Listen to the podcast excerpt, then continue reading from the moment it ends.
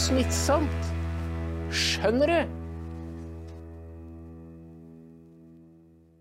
Velkommen til en ny Skjønner du på søndag 21. januar. Nå er, eh, blir dette en vane at vi samles på søndager etter messe. Fordi det er nemlig sånn at jeg går på messe og hører presten og opplever sangen. Og mens jeg sitter der, så får jeg masse tanker i hodet. Og det er godt å forberede seg og formulere disse tankene til dere.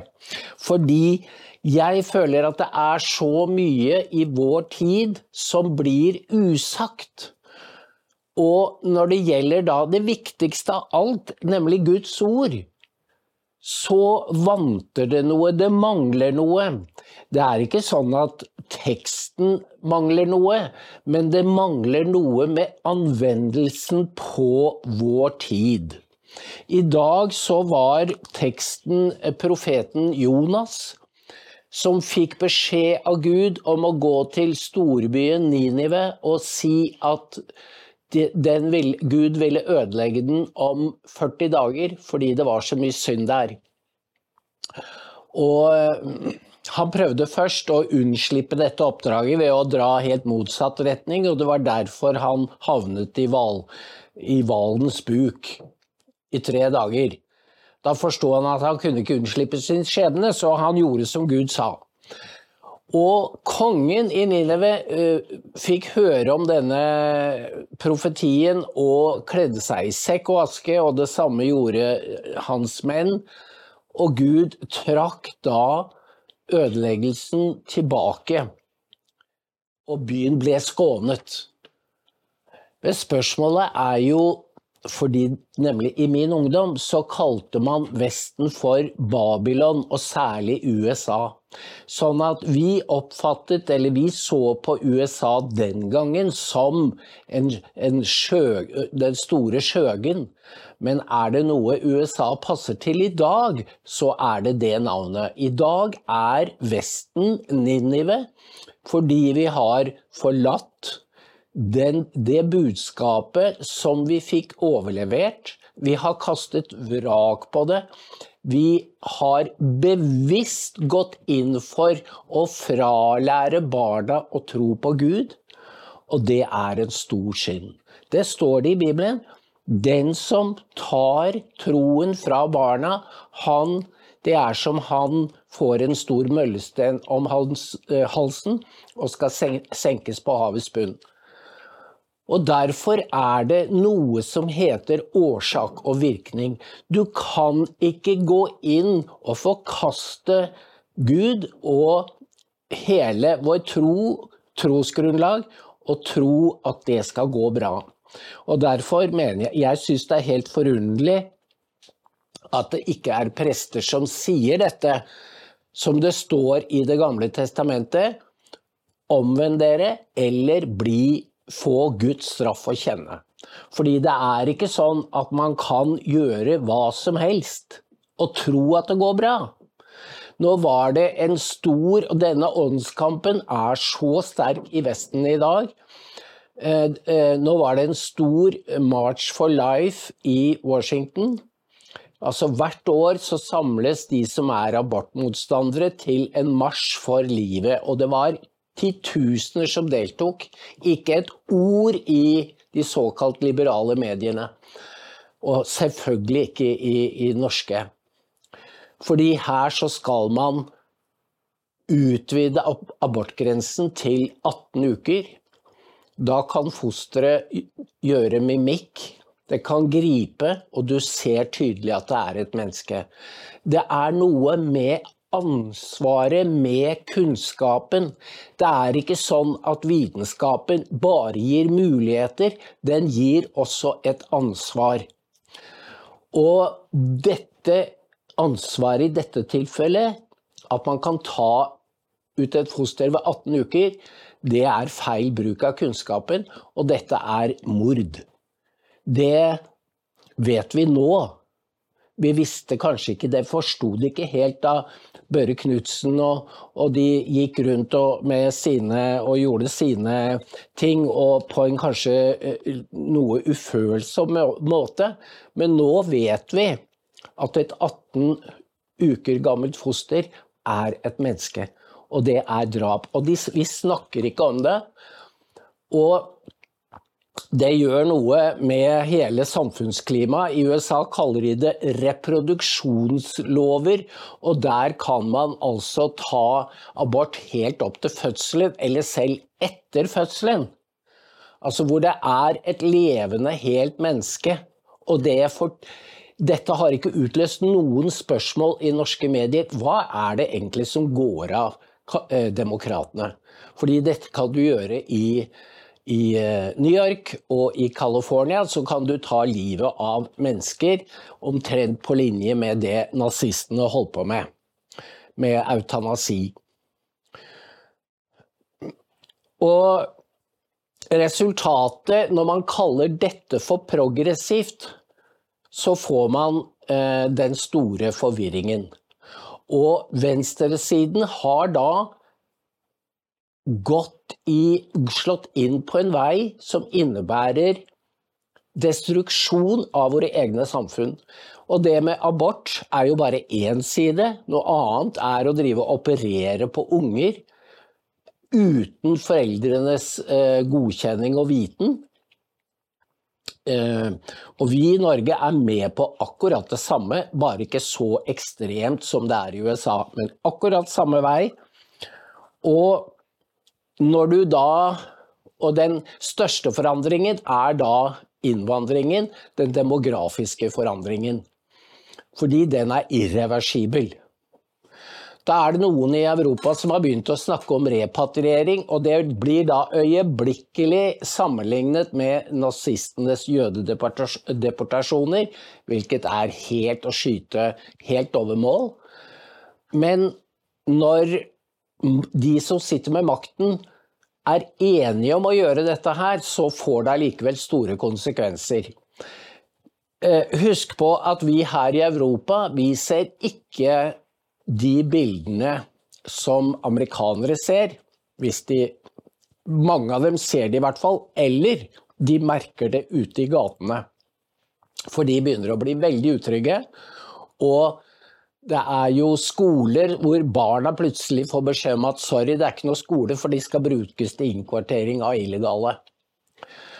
Dette er et lite klipp fra Lukeville, Arizona. Og du tror nesten ikke det du ser. Det er hele Afrika som kommer til Amerika. Og det er stort sett unge menn, og det er stort sett fra islamske land. Dette er en bevisst invasjon gjort av Biden-administrasjonen. Og det er jo det du ser er, akkurat som Tucker sa, det er en invasjon. Og det er altså demokratene som vil at USA skal forandre karakter selv er de stort sett hvite, men de har en, en, eh, jeg får si en djevelsk plan om å endre USA en gang for alle. Dette er jo billig arbeidskraft for eh, de med mye penger, og arbeiderklassen blir trådt ned i søla. Det er resultat. 12 millioner illegale har Biden sluppet inn. 12 millioner. Det, det er det tallet Laura Ingraham brukte, og jeg tror det stemmer. Bruker ikke det i hytt og vær, eller ut av det blå. Eh, og det er det de vil fortsette. Og så vil de fortsette krigen i Ukraina med skattebetalernes penger. Og det er, denne, det er dette budskapet som amerikanerne nå er gått lei eller er blitt veldig trøtt av. For hvorfor skal de redde Ukrainas frihet og grenser når de ødelegger amerikanernes levestandard og hele befolkningssammensetningen? Det blir ikke noe igjen. De har hatt en inflasjon på 20-30 Og um, Derfor får du en veldig uh, backlash.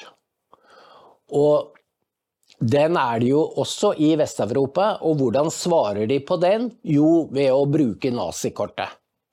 Og det er Norske medier er så eh, amatørmessige at de gjør dette på en veldig enkel måte. Her har vi Aftenposten som da har eh, funnet en uh, kommet over et møte med Det er for så vidt ikke bare Aftenposten.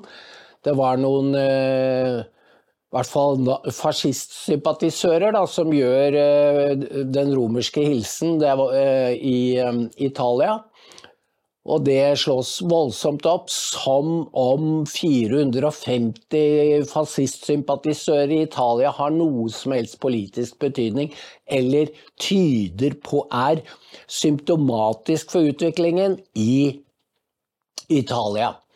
Det de gjør, er å klebe dette til Meloni og forsøke å ødelegge hennes renommé.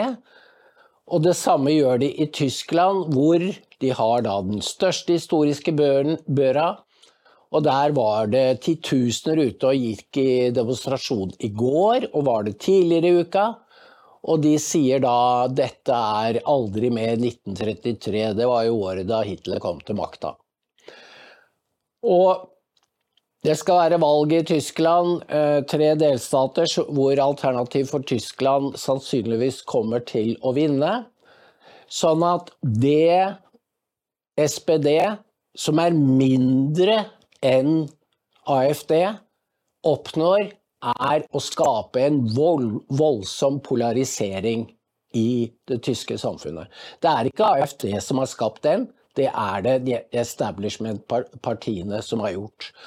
Og når sjefen for eh, CDUs søsterparti, CSU, Markus Søder, går inn for at medlemmer av AFD, eller kanskje han mener til og med velgere, ikke skal få jobb i offentlig sektor, så er det virkelig et, et faretegn.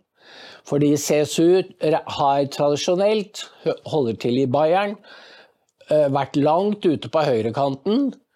Men når de også drar dette eh, fratagelsen av borgerlige rettigheter mot AFD, så sier, er det altså hele establishment som rotter seg sammen mot AFD. Hvorfor gjør de det? Jo, svaret er nærliggende. AFD er en reaksjon på at en stor del, stor og voksende del av befolkningen ikke godtar at man driver og skifter ut befolkningen i Tyskland og får den innfødte til å betale for det. Det er et rungende nei til den politikken som CDU og SPD og FDP har ført i 50 år. Og Det samme er jo tilfellet her. Det samme er tilfellet i alle vestlige land. Det er en voksende del av befolkningen som vil ha en endret immigrasjonspolitikk.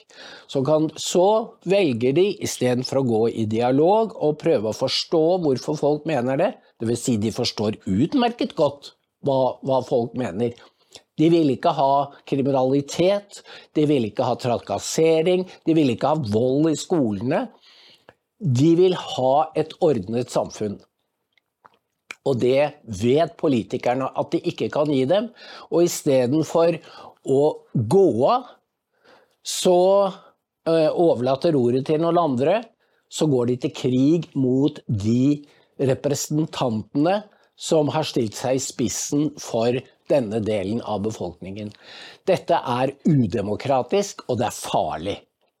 Vi ser det tydeligst i USA, for der bruker demokratene trusselen om vold helt åpent. Og vi ser det over hele Vesten ved at overvåkningen og kontrollen er økende. Og at man også snakker om at befolkningen må forberede seg på krig. Dette er Altså, skremmende er bare forordet. Fordi når myndighetene iverksetter tiltak De skaffer seg fullmaktslover. Husk på under pandemien da Erna fikk fullmakt for et, en viss antall eh, måneder om gangen, som kunne tilbakekalles av Stortinget når som helst, Så har nå Stortinget, 111 representanter, stemt for at regjeringen skal ha en permanent rett til å utstede nye lover når det blir utstedt eh, helseunntakstilstand. Så fort har det gått. Og nå foreslår Justisdepartementet at myndighetene kan ilegge oss arbeidsplikt i en krisesituasjon. Arbeidsplikt. Og de har allerede hatt en lov, har en lov hvor de kan rekvirere kjøretøyer. Dette er hva er det de forbereder oss på? Det høres ut som det er en krigssituasjon, og da er spørsmålet mot hvem? Det kan være en indre fiende, men mest sannsynligvis er det en krig mot Russland. Og det må jeg si er så skremmende, og det mest skremmende er at de ikke snakker om det. Norske medier snakker ikke om det. Og hvordan kom vi hit? Hvordan havnet Olje-Ola i en situasjon hvor han står og stirrer Ivan rett i øya og sier at han skal ta han? For det er det vi nå gjør. Og det, til, det, det vil sannsynligvis utarte til atomkrig ganske fort. Hvis man gjør alvor av disse truslene. For det er en trussel når, man, når NATOs, sjefen for Natos militærkomité, Bauer, sier at nå må folk forberede seg på krig. Det er språk vi aldri har hørt fra Nato eller EU tidligere. Men nå er det helt greit å snakke om krig. Og da vet ikke de hva krig er, for krig er altså Det er en annen tidsalder. Det er ødeleggelse av det sivile samfunn. Um, og samtidig oppi dette så kommer jo Israel og deres eh, deres krig for å forsvare seg selv. Og her er Norge i fremste rekke når det gjelder å ville kue og knekke den israelske viljen.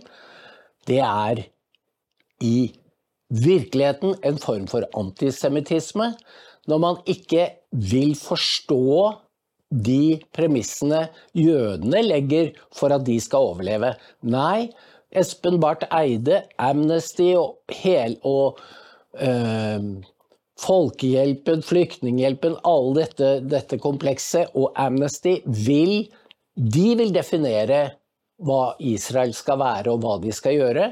Og hvis de ikke vil, så skal de tvinges. Hør på han Josep Barell, som er eh, utenriksansvarlig i, i EU. Han sier det han sa i går, at, eh, eller fredag, at hvis Israel ikke vil ha en tostat, så kan det være aktuelt å påtvinge dem det. Det er jo bare tulleprat. Men eh, For de vil aldri kunne gjennomføre det. Men det er allikevel uttrykk for en fiendtlighet som gjør at Israel føler seg mer alene enn de ellers ville gjort. Og det er fremfor alt et angrep på vår egen kultur. Det er akkurat hva består Ninive i? Jo, det er det man kaller sedløse. Men det er også et angrep på jødene. Dette er helt ut fra Bibelen hvor herskerne går til angrep på jødene. Nå er det vi som er i denne rollen.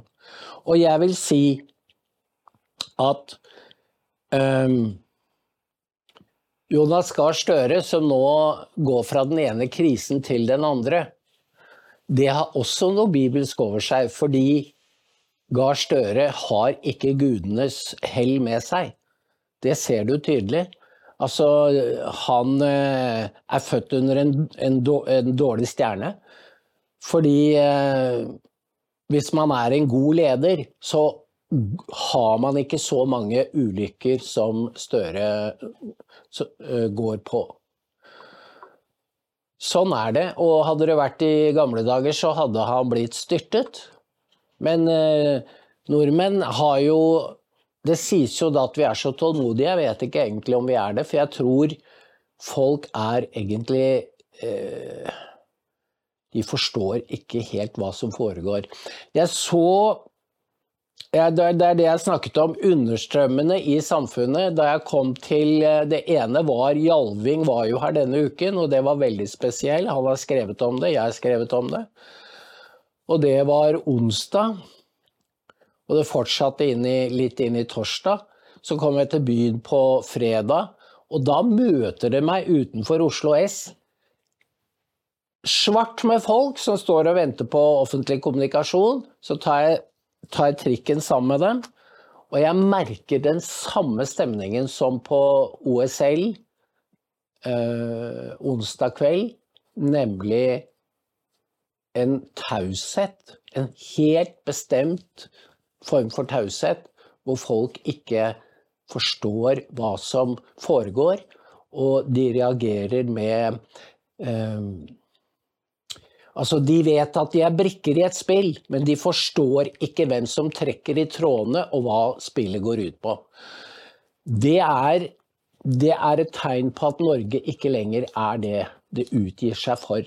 Og det ser du også på statsrådene, på karakteren. At de har ikke karakter. De har ikke moral, og det er disse som styrer landet. Og det er en sammenheng mellom disse to fenomenene. Fordi eh, Kjerkol er jo den som har tatt oss inn i WHO-regimet, som gir en eh, WHO-sjef fullmakt til å utløse helsekrise i Norge. Det har jo ikke hun noe problem med, og hun, jeg kaller henne for blomsterpiken, fordi hun virker som en sånn lita småjente som plutselig har dettet ned i statsrådsstolen. Og sånn er det den ene etter den andre. Det er eh, de, de er lettvektere. Og når de i tillegg da ikke har moral, så blir det som det blir.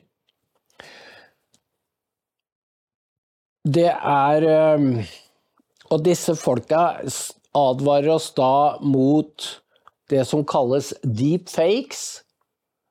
Fordi de setter så mye i bevegelse at det er veldig vanskelig å vite hvordan kan vi stole på det de sier. Jeg så f.eks. En, en tweet som liksom Trump skulle ha sendt ut, hvor det het at han støttet byggingen av et nytt FBI-hovedkvarter og det skal koste 4-5 milliarder. Og så sa, var det en annen tweet fra Miranda Divine i New York Post som sa dette kan dette, Da er Trump ferdig hvis han mener noe sånt som dette her. Og begge, begge disse meldingene var selvsagt falske. Fordi Trump kunne aldri sagt noe sånt. Um, og det er den type metoder, de samme som advarer om uh, bruker nazikortet mot Trump, vil bruke alle midler for å diskreditere han.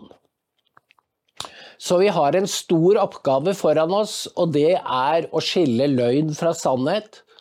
Og det har å gjøre med det teksten i, i Bibelen i dag snakket om, å høre Guds ord. Fordi du må anerkjenne at det er en autoritet over deg, og lytte til den. Du må gjerne krangle med den, men du må anerkjenne at den er der. Fordi ellers, hvis det er kun menneskene som bestemmer, så går det oss ille.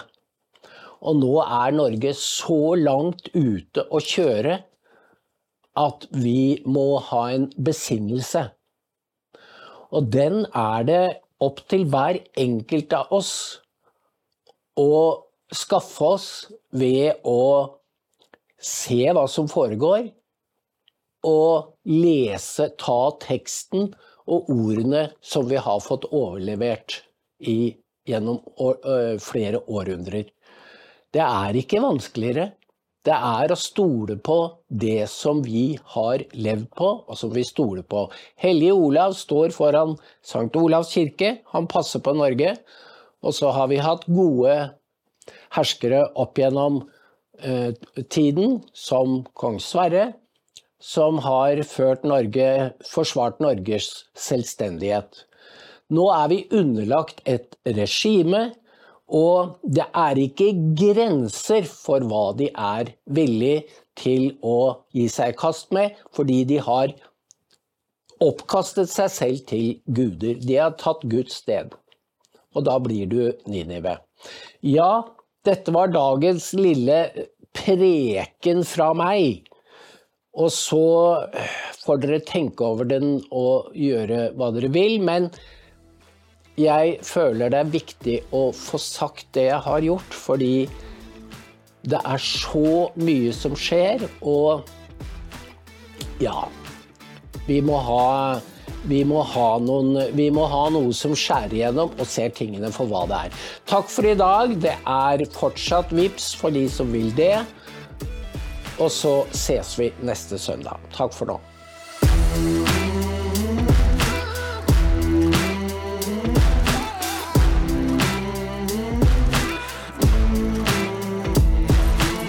Det er jo vi som er flest. Skjønner du?